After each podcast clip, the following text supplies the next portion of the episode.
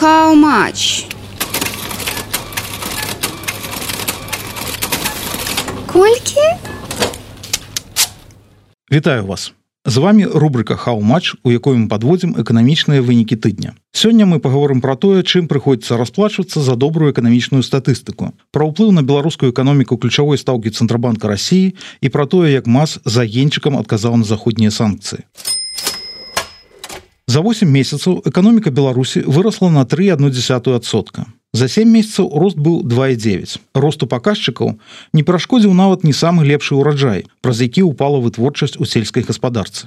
Да выканання гадавога плану росту ў 3,8сотку трэба яшчэ крыху крыху паднаціснуць. літаральна кропельку.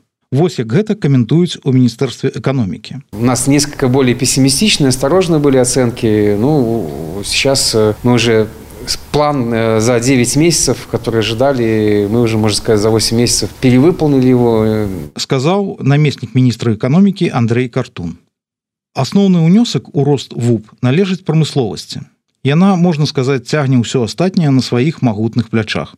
За 8 месяцаў аб'ёмы прамысловай вытворчасці павялічыліся амаль на 8соткаў. Праўда, беларускі айці з драйвера эканамічнага росту ператварыўся ў тормоз беларускі транспарт ляжыць там дзе яго паклалі санкцыі і закрыццё заходнімі суседзямі памежных пераходаў.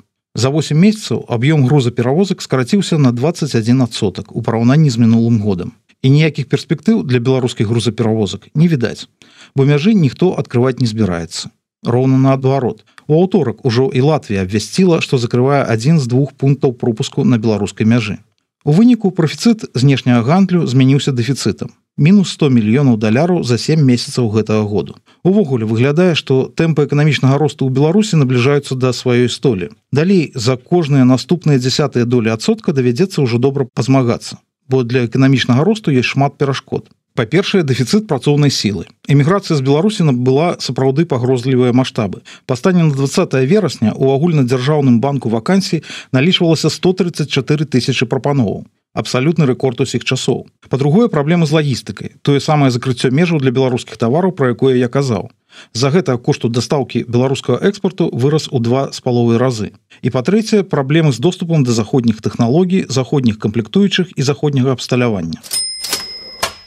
Асабліва ярка у літаральным дарэчы сэнсе гэтага слова заганьком праблемы з доступам да заходняй камплектацыі выявіліся ў санкт-петербургу Я маю на ўвазе аўтобусы мас, якія за мінулы год гарэлі 8 разоў, а за гэты год ужо 9. Першая версія, якая з'явілася ў беларускіх уладаў былі інтрыгі канкурэнтаў. Ну таму што ворагі паўсюль. Вот что про гэта казаў Александр Лукашенко. Конкуренты нас начинают придушивать, ссылаясь на то, что там пожар в Питере в автобусе, еще чего-то. Вот сейчас госкомиссия работает, я направил, чтобы разобрались, в чем там вопрос. На гэтым тыдні версія змянілася. Матрусами там что-то загорелось, там загорелось. Начали разбираться.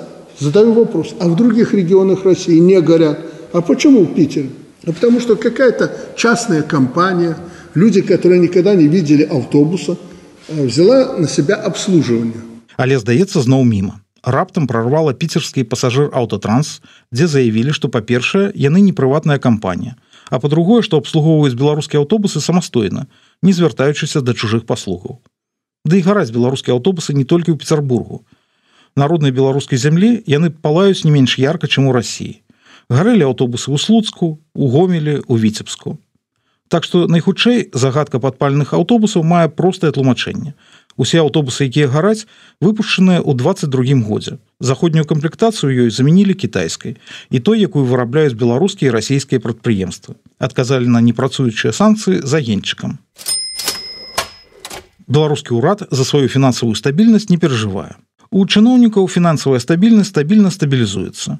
Давер да рубля расце, а валюта нікога вось увогуле нікога ўжо больш не цікавіць. А вось расійскі цэнтрабанк у адрозненне ад беларускага ўраду за стабільнасць хвалюецца. На гэтым тыдні расійскі цэнтрабанк павысіў ключавую стаўку да 13соткаў.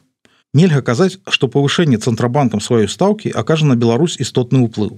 Ну як гэта можа паўплываць? Вось калі павышэнне стаўкі неяк дапамагло расійскаму рублю, тады б вядома, мы б усе гэта адразу заўважылі. Але на расійскі рубель павышэнне стаўкі падзейнічала як на мёртвага прыпарка. Яго нават мінулае павышэнне стаўкі не вельмі ўразіла тое якое было ў жніўні а тады яе адразу павысілі на тры з паловай процентныя пункты. Эфект аказаўся мякка кажучы абмежаваным.